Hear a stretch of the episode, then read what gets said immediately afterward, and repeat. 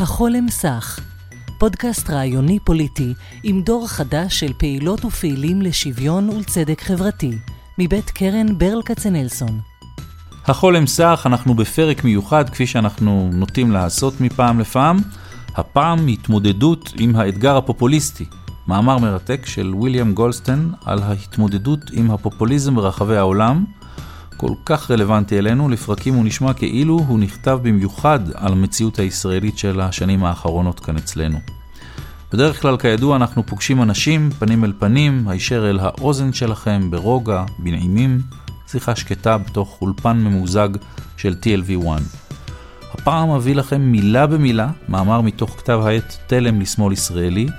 זהו גם מוצר מבית קרן ברל כצנלסון, כמונו, אבל מעולם הדפוס, וגם האונליין, ואנחנו נמיר קטע מתוכו אל האודיו. נביא דברים בשם אומרם, אבל בקולי שלי, כדי לתת לכם הזדמנות לטעום מכתב העת החדש והחשוב הזה. תוכלו כמובן לראות עוד באתר של הקרן ושל כתב העת תלם, וגם לעשות מינוי ולקבל עותק מודפס במקום הקובץ הקולי שלנו. שתהיה לכם האזנה מרתקת, מומלץ מאוד.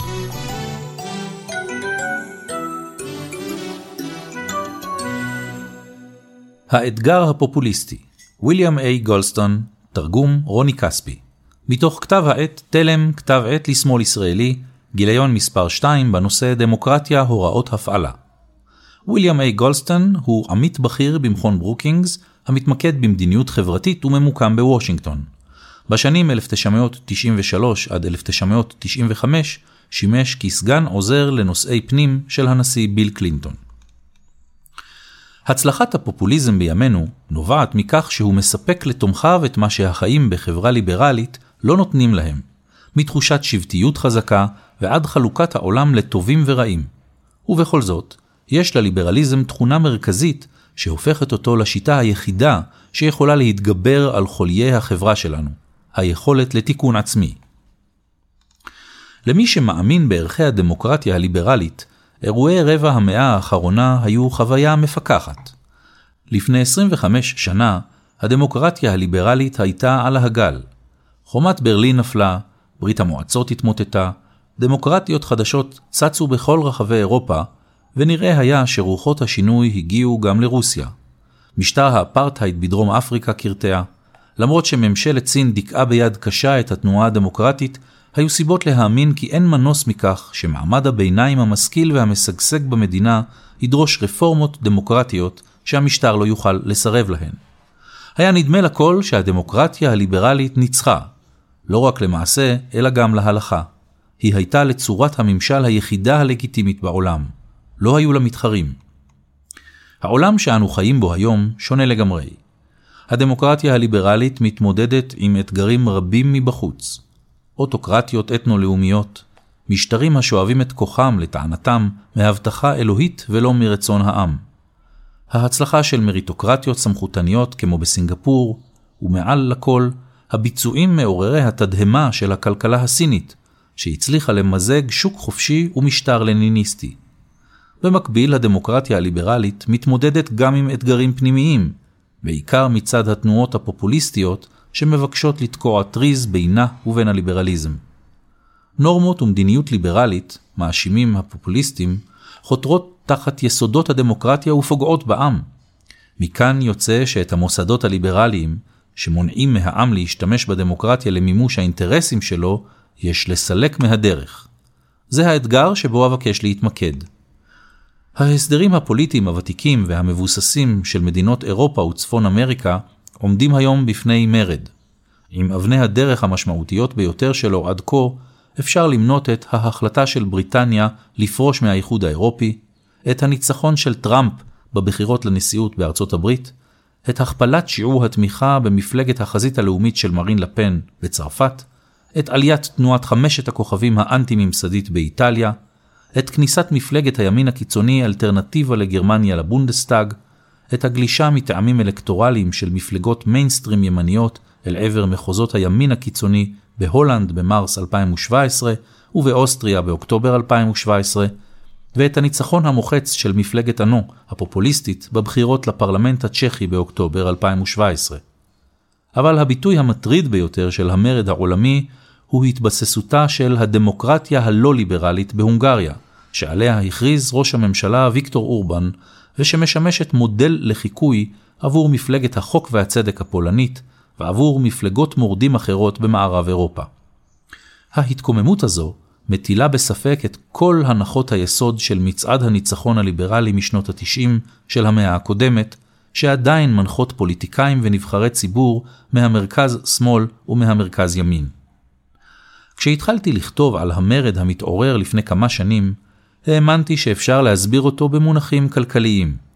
הטענה שלי הייתה שדמוקרטיות ליברליות בנות זמננו נשענות על הסכם שבשתיקה בין העם מצד אחד ובין נציגיו הנבחרים ומומחים שאינם נבחרים מצד שני.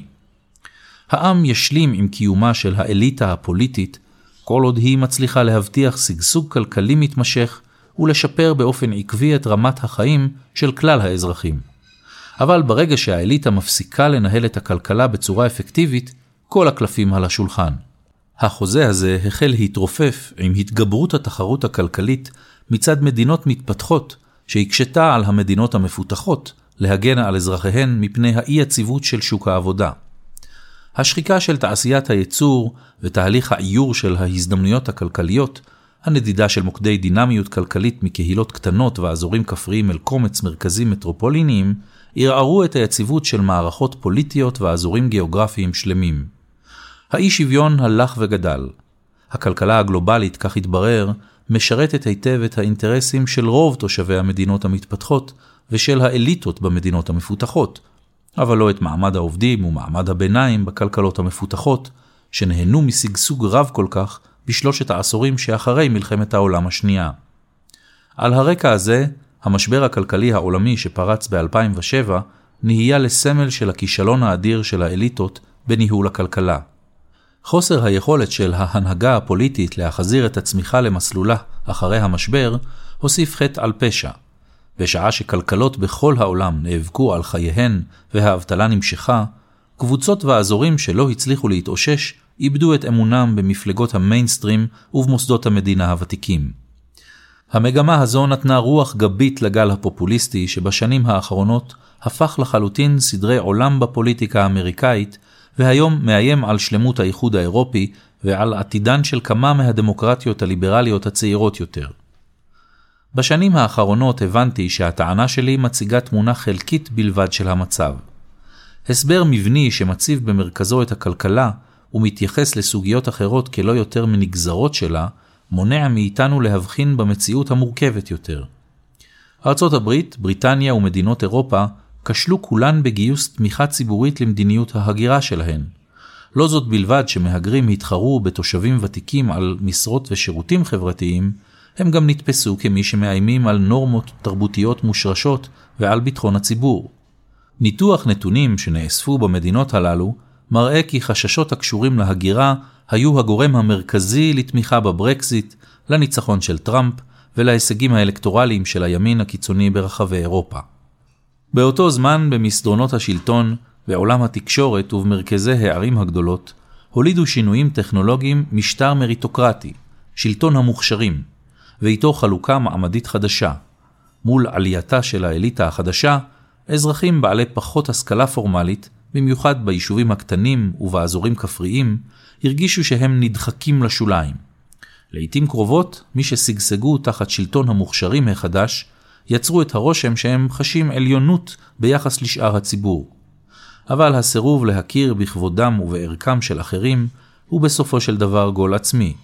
חטא ההשפלה, יותר מכל פצע אחר, מעורר אצל קורבנותיו טינה, מהמסוכנים שברגשות הפוליטיים.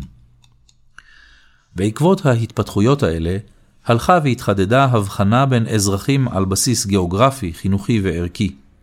תומכי השינויים המהירים והגיוון החברתי נקלעו לעימות עם תומכי היציבות והאחידות. מצד אחד של המתרס עמדו אותם אזרחים שהרוויחו מהמהפכה הטכנולוגית, ומולם מי שנפגעו מהזעזועים הכלכליים שהולידה. היטיב להגדיר זאת העיתונאי הבריטי דיוויד גודהארט, שכתב כי אזרחי המדינות הדמוקרטיות נחלקים בימינו לשתי קבוצות, הניידים, Anywheres, שזהותם מתבססת בעיקר על המקצוע שלהם, והם מחזיקים במיומנויות שיכולות לשמש אותם בכל מקום בעולם. והנייחים, somewheres, שזהותם נטועה במקום מסוים. תואר אקדמי מסתבר, מקנה לך לא רק יותר הזדמנויות כלכליות, אלא גם נקודת מבט שונה על העולם. התמיכה של האליטות החדשות בפתיחות חברתית החלה להתנגש עם התביעה הציבורית הגוברת לסגירות כלכלית, תרבותית וחברתית. לעתים קרובות מדי העקרונות שבלב השיטה הליברלית זוהו באופן מוחלט עם ערכים ליברליים תרבותיים שמערערים על מסורות ואמונות דתיות.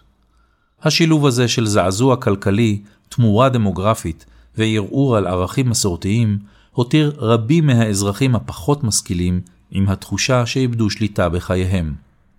המוסדות הלאומיים והבינלאומיים, שהיו אמורים להיחלץ לעזרתם, הגיבו באדישות ובחוסר תפקוד. בארצות הברית שיתק הקרע המתרחב בין שתי המפלגות את המערכת הפוליטית כולה, וסיכל כל ניסיון לטפל במצוקות ההולכות ומתרבות. באירופה המצב פוליטי הפוך, דואופול של מפלגות מרכז-שמאל ומרכז-ימין שדחק סוגיות בוערות אל מחוץ לסדר היום הציבורי, הניב תוצאות דומות.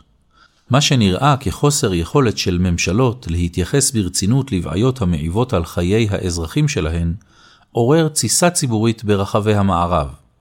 אזרחים רבים שתחושת הביטחון שלהם בעתיד התערערה, המירו אותה בגעגוע לעבר מדומיין שפוליטיקאים שוברי מוסכמות הבטיחו להקים לתחייה. וכך, ככל שגברה הדרישה הציבורית למנהיגים חזקים, שחקנים פוליטיים עולים החלו להטיל ספק בעקרונות היסוד של הדמוקרטיה הליברלית, כמו שלטון החוק, חופש העיתונות וזכויות מיעוטים. הדרך נפתחה בפני מנהיגים אוטוריטריים מהסוג שעד לא מזמן נחשב ללא יותר מזיכרון רחוק. מהי דמוקרטיה ליברלית? כדי להבין כיצד כל ההתפתחויות האלו משפיעות על גורל הדמוקרטיה הליברלית, צריך להבחין בין ארבעה מונחים העיקרון הרפובליקאי, דמוקרטיה, משטר חוקתי וליברליזם. בביטוי העיקרון הרפובליקאי, כוונתי לריבונות העם. העיקרון הזה קובע כי העם הוא מקור הסמכות של השלטון, ורק הוא מוסמך לקבוע את עקרונות המשטר. הרעיון הזה עומד בלב המסמך האמריקאי ביותר, הכרזת העצמאות, שקובע כי הממשלות המוקמות בקרב בני האדם שואבות את סמכויותיהן הצודקות מהסכמת הנשלטים. בהמשך להכרזה הזו כתב ג'יימס מדיסון, אחד האבות המייסדים של האומה האמריקאית, נוכל להגדיר כרפובליקה, או לפחות לכנות בשם זה, שלטון ששואב בפועל את כל סמכויותיו במישרין או בעקיפין מהמוני העם. דמוקרטיה ברמה הבסיסית ביותר מחייבת שוויון בין כל האזרחים ואזרחות מכלילה רחבה. מדינה שבה כל האזרחים שווים, אבל רק עשרה אחוזים מתושביה הבוגרים נחשבים אזרחים, לא תוגדר היום כדמוקרטיה. עקרון מפתח דמוקרטי נוסף הוא שלטון הרוב. בראש ובראשונה משמעות הדבר היא שהחלטות קולקטיביות מתקבלות לפי הכרעת הרוב, כשלכל אזרח כל בעל משקל שווה. ושנית, שההחלטות המתקבלות בצורה דמוקרטית נוגעות למגוון רחב ככל הניתן של סוגיות ציבוריות. עקרון הכרעת הרוב מוגבל אך ורק על ידי הצורך להגן על החירויות הנחוצות לאזרחים כדי להשפיע על החלטות ציבוריות, למשל חופש הביטוי, חופש ההתאספות וחופש העיתונות. לפי תפיסה זו של דמוקרטיה, פשוט דמוקרטיה בלי שם תואר נלווה, אין שום דבר בלתי דמוקרטי בהחלטות מבוססות רוב שמפלות באופן שיטתי אינדיבידואלים וקבוצות או מפרות את הזכויות לפרטיות. ציבור דמוקרטי יכול, אם רק ירצה, לאמץ את הכלל שקובע כי עדיף עשרה אשמים מחוץ לכלא מאשר אדם אחד חף מפשע מאחורי סורג ובריח. אבל אימוץ של כלל הפוך לחלוטין, יהיה דמוקרטי לא פחות. זה גם לא יהיה בלתי דמוקרטי לנהל בתי משפט ממש כמו בתי נבחרים. אחרי הכל, אספת העם באתונה, שגזרה עונש מוות על סוקרטס, אולי טעתה, אבל היא התנהלה באופן דמוקרטי לחלוטין. המונח השלישי שהזכרתי, משטר חוקתי, מתאר את מבנה הבסיס הנוקשה של משטר כלשהו, אשר לרוב אבל לא תמיד מעוגן בכתב. זהו מבנה הבסיס, כי העקרונות שלו יוצרים את המסגרת שבתוכה מתקיימים החיים הציבוריים במדינה, והוא נוקשה מאחר שקשה יותר לשנות את העקרונות ששולטים בו בהשוואה להחלטות רגילות שמתקבלות במסגרתו. חוץ מהסדרה של כוח, חוקות גם קובעות גבולות לכל המוסדות המוסמכים להשתמש בכוח הזה. הגבולות יכולים להיות אופקיים, כמו במקרים המפורסמים של הפרדת הרשויות והאיזונים ובלמים מהחוקה האמריקאית, והם יכולים להיות אנכיים.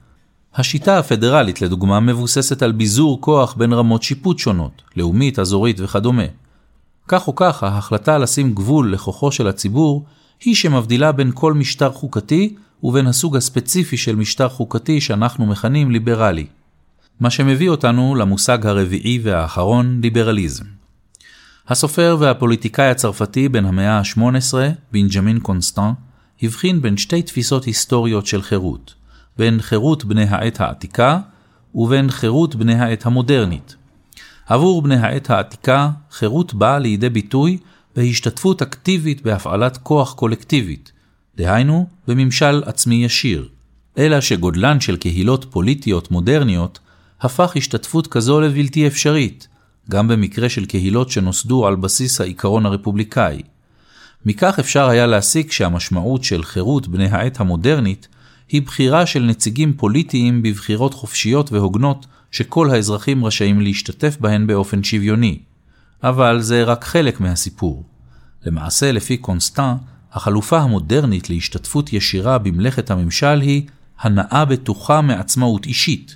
במילים אחרות, ההדרה של רוב האזרחים רוב הזמן משלטון עצמי ישיר, פותחת בפניהם ספירה רחבת ידיים של חיים לא פוליטיים, כלכליים, חברתיים, תרבותיים ודתיים, המנוהלים בידי אינדיבידואלים בהתאם להעדפותיהם האישיות. זהו, אם כן, הרעיון שבלב הליברליזם, ההכרה וההגנה על תחום שנמצא מעבר להישג ידו הלגיטימי של הממשל, שבו יכול הפרט ליהנות מעצמאות ומפרטיות. ברוח זו הכרזת העצמאות של ארצות הברית לא רק נשענת על העיקרון הרפובליקאי, אלא גם שמה לו גבולות. אם כל בני האדם אכן נולדו כשבידם זכויות שאי אפשר לשלול מהם, שממשלות לא יצרו ושהפרט לא יכול להחליט לוותר עליהן, אז העיקרון הרפובליקאי יכול להכשיר אך ורק צורות ממשל המשמרות זכויות אלה. ממשלות, מזכירה לנו ההכרזה, נוצרו כדי להבטיח את הזכויות האלה, לא כדי להגדיר מחדש או לצמצם אותן. כעת נוכל להציע, בזהירות הראויה, הגדרה מדויקת יותר של דמוקרטיה ליברלית. סוג כזה של הסדר פוליטי מבוסס על העיקרון הרפובליקאי, מתקיים בתוך מסגרת חוקתית, ומשלב את העקרונות הדמוקרטיים של שוויון אזרחי ושלטון הרוב. במקביל הוא מחויב לעיקרון הליברלי שלפיו יש גבולות שמעבר להם כוחו של הציבור הופך לבלתי לגיטימי.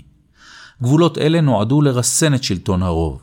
על מנת להגביל את הכרעת הרוב, משטרים ליברליים יכולים, למשל, להחליט שסוגים מסוימים של החלטות יצריכו רוב מיוחד בבית הנבחרים, או אפילו קונצנזוס מלא כדי לעבור.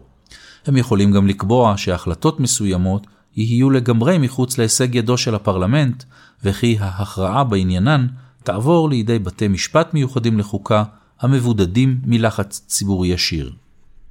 ההבחנות שפירטנו עד כה עוזרות להגדיר בצורה יותר מדויקת מהו האתגר שמציב הפופוליזם בפני הדמוקרטיה הליברלית. פופוליזם אינו רק, כפי שחלק מהפרשנים מציעים, ביטוי רגשי לציפיות כלכליות שנכזבו, עוינות כלפי מערכת פוליטית בלתי הוגנת וקבוצות אינטרס, ופחד מפני איומים ביטחוניים ותרבותיים. אפילו אם הוא חסר את היסודות התאורטיים והטקסטים הקנוניים שהגדירו את כל האיזמים הגדולים של המאה ה-20, יש לפופוליזם מבנה קוהרנטי. מתוך ארבעת מונחי המפתח שהזכרנו, הפופוליזם מקבל את העקרונות של ריבונות העם והדמוקרטיה, ומפרש אותם באופן פשוט כשלטון הרוב. הוא מגלה ספקנות, עם זאת, כלפי עקרונות חוקתיים שמגבילים לעיתים את מוסדות המדינה מליישם בכל מחיר את רצון הרוב, הוא רואה בעין רעה אף יותר את ההגנות שהליברליזם פורס על אינדיבידואלים ומיעוטים.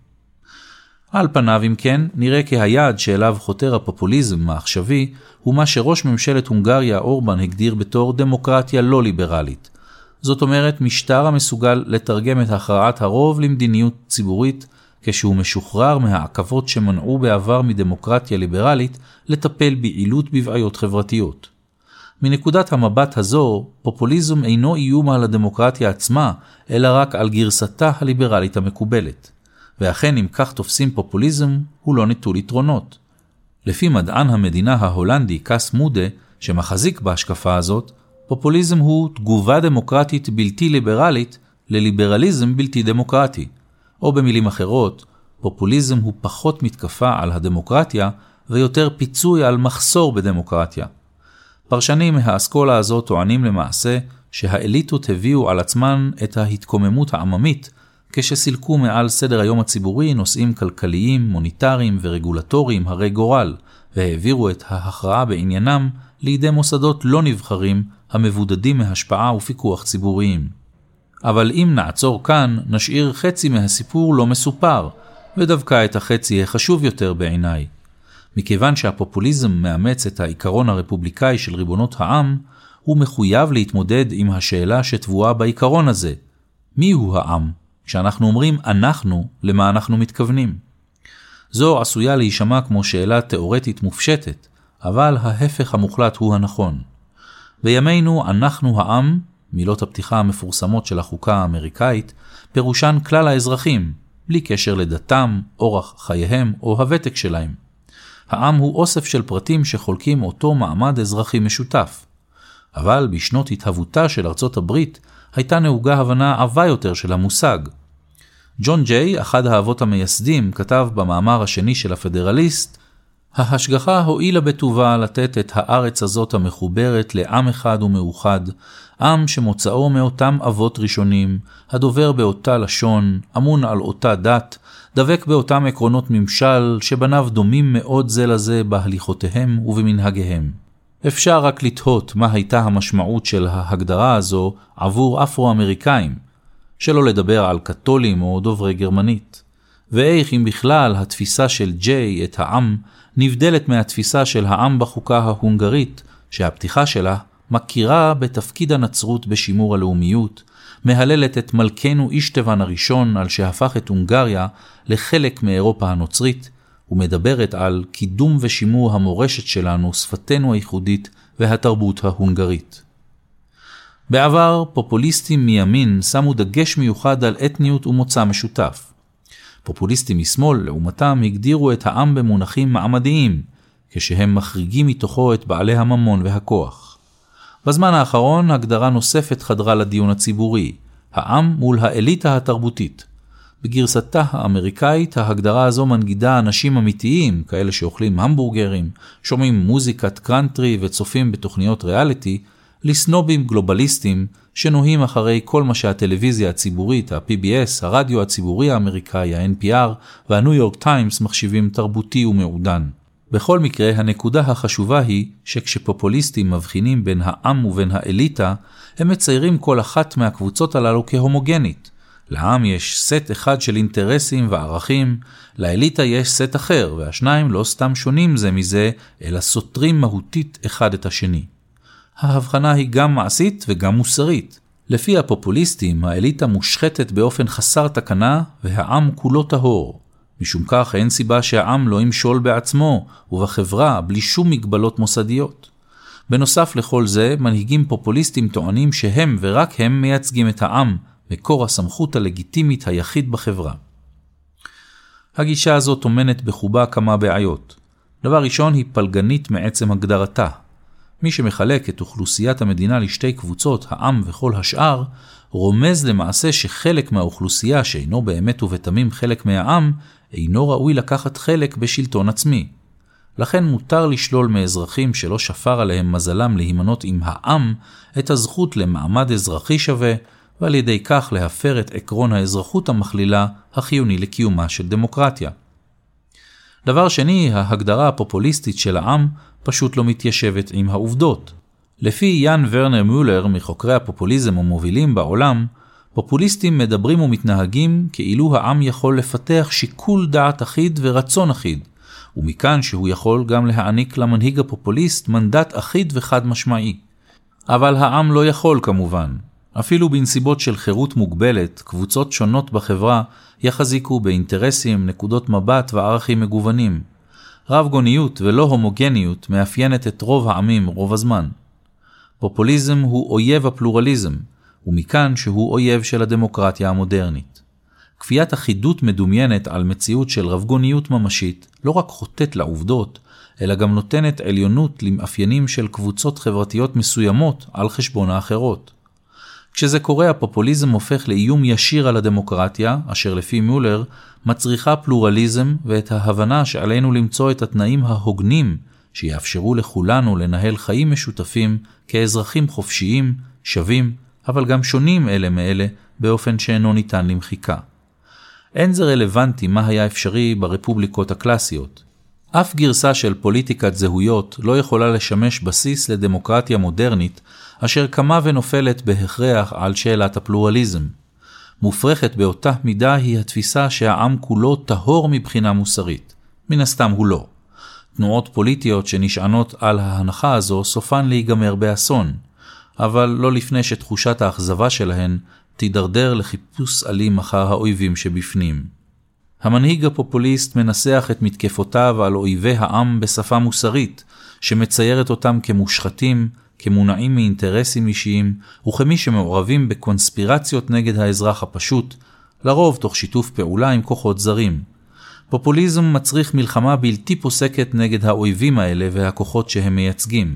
בסופו של דבר, ההנחה שיש לעם מונופול על המוסר, פוגעת בהתנהלות של חברות דמוקרטיות. על פי רוב, קבלת החלטות בתוך קבוצה לא הומוגנית מחייבת פשרה, אבל אם קבוצה כלשהי מאמינה כי הקבוצה היריבה שעומדת מולה היא התגלמות הרשע עלי אדמות, סביר מאוד שהיא תראה בכל ניסיון פשרה כניעה מבישה בפני כוחות האופל. בקיצור, פופוליזם מדרדר חברות דמוקרטיות להתבוססות אינסופית במאבקי סכום אפס על בכורה מוסרית, מאיים על זכויות מיעוטים, ומאפשר למנהיגים תאבי כוח לפרק בזה אחר זה את כל המחסומים שניצבים על השביל המוביל לאוטוקרטיה. מצד אחד זה לא הזמן לשאננות. הדמוקרטיה הליברלית נמצאת תחת איום רציני ומיידי. מצד שני, אין מנוס מלהתעקש על נקודה קצת פחות אופנתית בימינו. זה גם לא הזמן לפאניקה. הדאגה שלנו לגבי ההתפתחויות הפוליטיות צריכה להתבסס על המציאות שלפנינו, אבל להיות מנותקת ככל האפשר מפחד ונבואות זעם. בהקשר הזה, מבט אל העבר יכול לפצות על קוצר הראייה שלנו בהווה. מחקר היסטורי מ-2016 בחן מערכות פוליטיות שסבלו ממשבר כלכלי מסוף המאה ה-19 ועד ימינו. החוקרים זיהו תבנית קבועה בתקופה שאחרי המשבר. מפלגות השלטון מתכווצות, הימין הקיצוני מתחזק, ההקצנה והפרגמנטציה הפוליטית גוברות, האי-ודאות מחריפה, ומלאכת השלטון הופכת קשה יותר. עוד מלמדים אותנו היסטוריונים של הכלכלה, שלרוב בשונה ממחזורי מיתון רגילים, גלי ההדף של משברים כלכליים שוכחים רק אחרי עשור לכל הפחות. רק ב-2017 מעמד הביניים האמריקאי הצליח לחזור לאותה רמת הכנסה שממנה נהנה לפני המשבר של 2007. את ההון שהמשפחות הללו איבדו באותם ימים, הן עוד לא הצליחו להשיב לעצמן. במדינות אירופה הפער גדול אפילו יותר. עם זאת אפשר לקבל קצת פרספקטיבה, ואולי אפילו נחמה מסוימת, מסקר בינלאומי שערך מכון פיו ופורסם ב-2018. הסקר הראה שלמרות חוסר שביעות רצון נרחב מביצועי המוסדות הדמוקרטיים במדינות אירופה וצפון אמריקה, התמיכה של תושביהן בדמוקרטיה ייצוגית עומדת על 80 מנגד 13 בלבד הביעו תמיכה במשטר שבו מנהיג חזק רשאי לקבל החלטות ללא מעורבות של בית המחוקקים או מערכת המשפט. התמיכה במשטר צבאי נמוכה אף יותר. אבל יחד עם זאת מהסקר עולה כי בעוד שהציבור במדינות השונות לא הפנה את גבו לדמוקרטיה הייצוגית, הוא בהחלט מוכן לשקול שיטות אחרות לקבלת החלטות. 70% מהנשאלים תמכו בשימוש במשאלי עם כדי שאזרחים יוכלו להכריע ישירות בסוגיות לאומיות מרכזיות. ו-43% קבעו כי עדיף לתת למומחים לקבוע במקום האזרחים איזו מדיניות הממשלה צריכה להוציא לפועל. מחקר מ-2017 שהייתי בין מארגניו, שם לעצמו למטרה להבין לא רק את תוצאות בחירות 2016 בארצות הברית, אלא גם את ההשקפה של האמריקאים באשר לדמוקרטיה באופן כללי. החדשות טובות ברובן.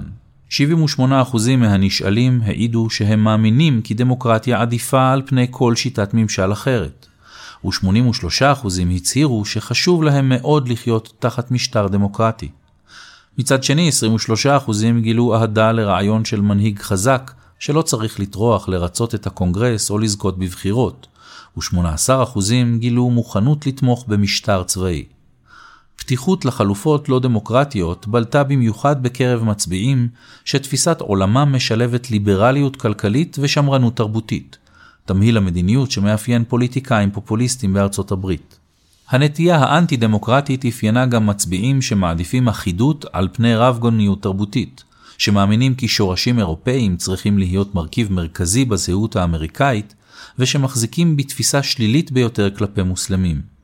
כמעט חצי מהמצביעים שתמכו באובמה ב-2012, אך הצביעו לטראמפ ב-2016, ביטאו העדפה למנהיג חזק וחופשי ממגבלות חוקתיות, וגם חלקו על האמירה שדמוקרטיה היא שיטת הממשל הטובה ביותר. לא ברור אם הממצאים האלה מבשרים על מגמה חדשה. התמיכה הכוללת במנהיג שאינו כפוף לקונגרס ולבתי המשפט אינה גבוהה בימינו משהייתה לפני שני עשורים. עם זאת, יש בהחלט סיבה לדאגה, ולו מאחר שהמבנה של המערכת הפוליטית שלנו, האמריקאים, נותן בידי מיעוטים אנרגטיים יכולת השפעה שחורגת בהרבה מחלקם היחסי באוכלוסייה. חשוב גם לזכור שבפועל, לא כל גילוי של פופוליזם הוא איום על הדמוקרטיה. לדוגמה, התוצאה של משאל העם על הברקזיט עוררה אמנם שלל בעיות הקשורות לריבונות של בית הנבחרים הבריטי, אבל בשורה התחתונה, הייתה זו הכרעה בשאלה לגיטימית של מדיניות. במערכות פוליטיות שבהן המוסדות הדמוקרטיים עודם חזקים, מחלוקות לגבי סחר בינלאומי, מדיניות הגירה ואפילו ריבונות לאומית אינן בלתי לגיטימיות. בטווח הארוך הניסיון להגלות את הסוגיות האלה אל מחוץ לגבולות התחרות הפוליטית, סופו להחליש את הדמוקרטיה הליברלית הרבה יותר מכל ויכוח ציבורי סוער. מצד שני, לפעמים פופוליזם באמת מאיים באופן ישיר ורציני על עתידה של הדמוקרטיה הליברלית. מהלכים כמו הגבלת חופש העיתונות, החלשת בתי המשפט, ריכוז כוח בידי הרשות המבצעת ודחיקה לשוליים של אזרחים על בסיס שיוך אתני, אמונה דתית או מוצא, מערערים את הדמוקרטיה הליברלית מבפנים, אם אינם נענים בתקיפות. ראש ממשלת הונגריה ויקטור אורבן כן מאוד בעוינות שלו כלפי ליברליזם, והמדינה שהולידה בשנות ה-80 את תנועת סולידריות, פולין, צועדת בימים אלה בעקבותיו. אסור להתעלם מההתפתחויות האלה שעלולות לבשר על עתיד קודר בהרבה. כפי שאמר פעם אברהם לינקולן, בזמן שענני משבר הגדירו את השמיים, אם תחילה נבין היכן אנחנו ואנה אנחנו באים, נוכל להחליט טוב יותר מה לעשות וכיצד לעשות זאת.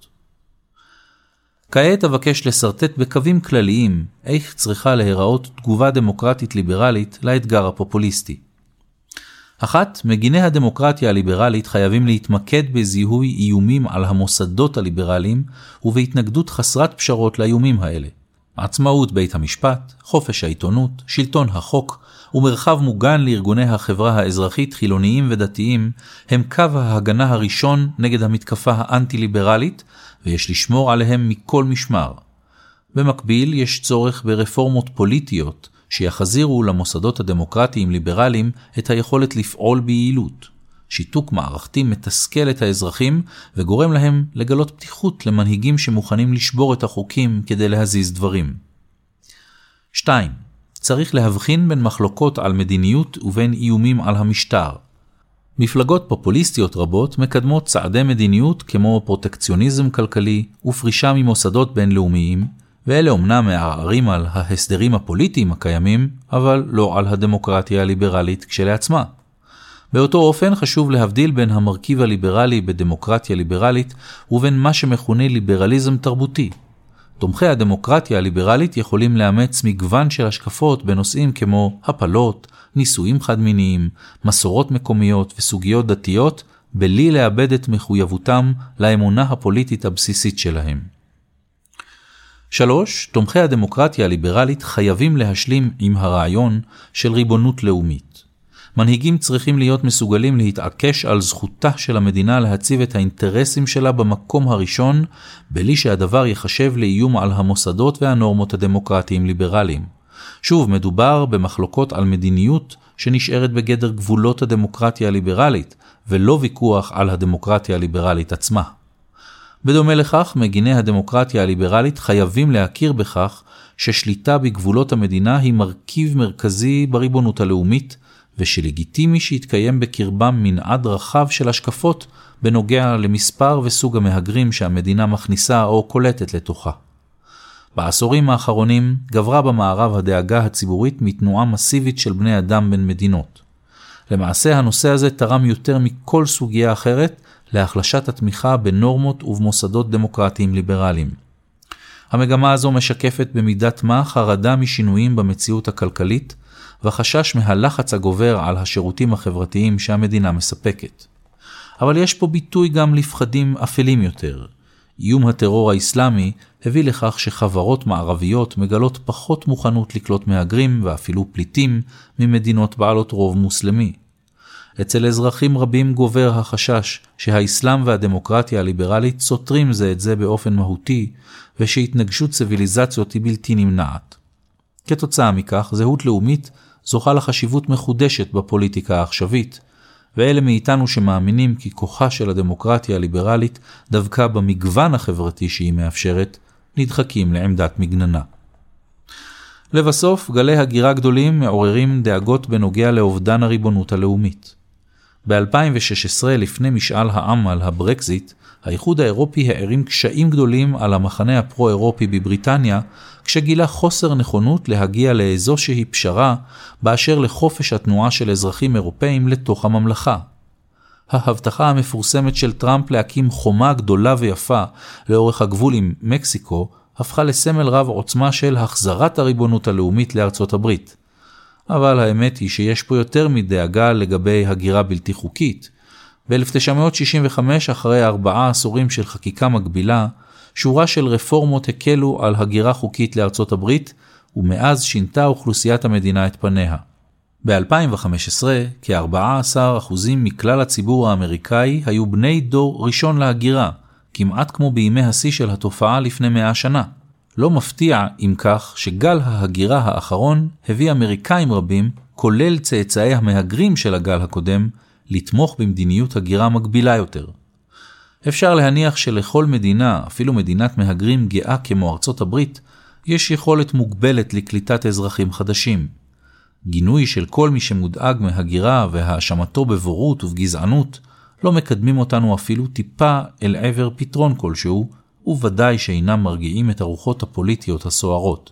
כפי שכתבו ג'ף קולגן ורוברט כהן, זו לא גזענות להתאים את רמת ההגירה ליכולתם של המהגרים להיטמע בחברה וליכולתה של החברה להסתגל.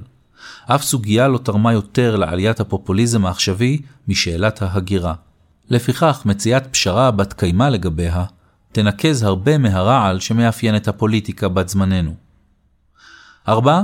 הגיע הזמן לנטוש התמקדות קצרת טווח במדדים מקרו-כלכליים מופשטים ולחתור במקום לצמיחה מכלילה. כלומר מדיניות כלכלית שמבטיחה כי השיפור ברווחתם הכלכלית של האזרחים חוצה גבולות מעמדיים וגיאוגרפיים. כפי שהוכיחו העשורים האחרונים, אף מכניזם כלכלי לא מתרגם באופן אוטומטי צמיחה כלכלית לשגשוג משותף. כשאנחנו מניחים לשכבות המבוססות ביותר בחברה להפקיע לרשותן את רוב הרווחים שמפיקה החברה שלנו, אנו גוזרים על כולנו עתיד של התכתשות בלתי פוסקת. הדבר נכון גם לריכוז הצמיחה והדינמיות הכלכלית במספר הולך וקטן של אזורים גיאוגרפיים. הפעם האחרונה שהכנסות כל העשירונים צמחו יחד בשיעור דומה, הייתה במחצית השנייה של שנות התשעים במאה הקודמת. אין זה מקרי שהייתה זו תקופה שבה שוק העבודה היה בתעסוקה מלאה, שהשתמרה לאורך זמן, מה ששיפר את כוח המיקוח של העובדים מול המעסיקים, והחזיר לתוך מעגל העבודה אנשים שנפלטו ממנו. ניסיון העבר מלמד שמדיניות כלכלית צריכה להתמקד בהבטחת תעסוקה מלאה. זוהי חובה מוסרית וכלכלית כאחד. בחברה המודרנית עבודה נותנת לנו הרבה יותר מפרנסה. היא מעניקה לחיינו מבנה ומשמעות, ומשמשת מקור מרכזי לתחושת ערך וביטחון עצמי. היא מחזקת את היציבות של חיי המשפחה, יוצרת קהילות בריאות, ומחזקת את קשרי האמון בין האזרחים למוסדות השלטון. מנגד אנו מכירים היטב את ההשלכות של אבטלה מתמשכת, ירידה בתחושת הערך העצמי, התגברות המתחים בתא המשפחתי, התפשטות של תלות בסמים, הידרדרות של שכונות שלמות ואווירה הרסנית של חוסר אונים. אבל האתגר הוא לא רק להבטיח כי לכולם יש משרה, אלא גם משכורת הוגנת. בטווח הארוך עובדים לא יכולים להוציא יותר ממה שהם מרוויחים. על רקע ההאטה בצמיחת השכר בעשורים האחרונים, משפחות מעמד הביניים הצליחו לשמור על רמת החיים שלהן באמצעות כניסה של יותר נשים לשוק העבודה, ועל ידי כניסה לחובות, שהתבססו לפחות באופן חלקי על הזינוק במחירי הדיור. ברגע שבועת הדיור התפוצצה, המשפחות האלה ספגו זעזוע כלכלי קשה שהביא רבות מהן לפשיטת רגל. ההתאוששות הכלכלית של ארצות הברית לאחר המשבר הייתה החלשה ביותר מאז סוף מלחמת העולם השנייה, בעיקר משום שההכנסה של משקי בית ומשפחות עדיין דורכת במקום. רק עלייה בשכר תתניע צמיחה משמעותית יותר, ואם מנגנוני השוק לא מצליחים לייצר משכורות גבוהות יותר, המדינה צריכה להתערב. העיקרון של צמיחה מכלילה צריך כאמור לחול על כולם ולחצות גבולות מעמדיים וגיאוגרפיים.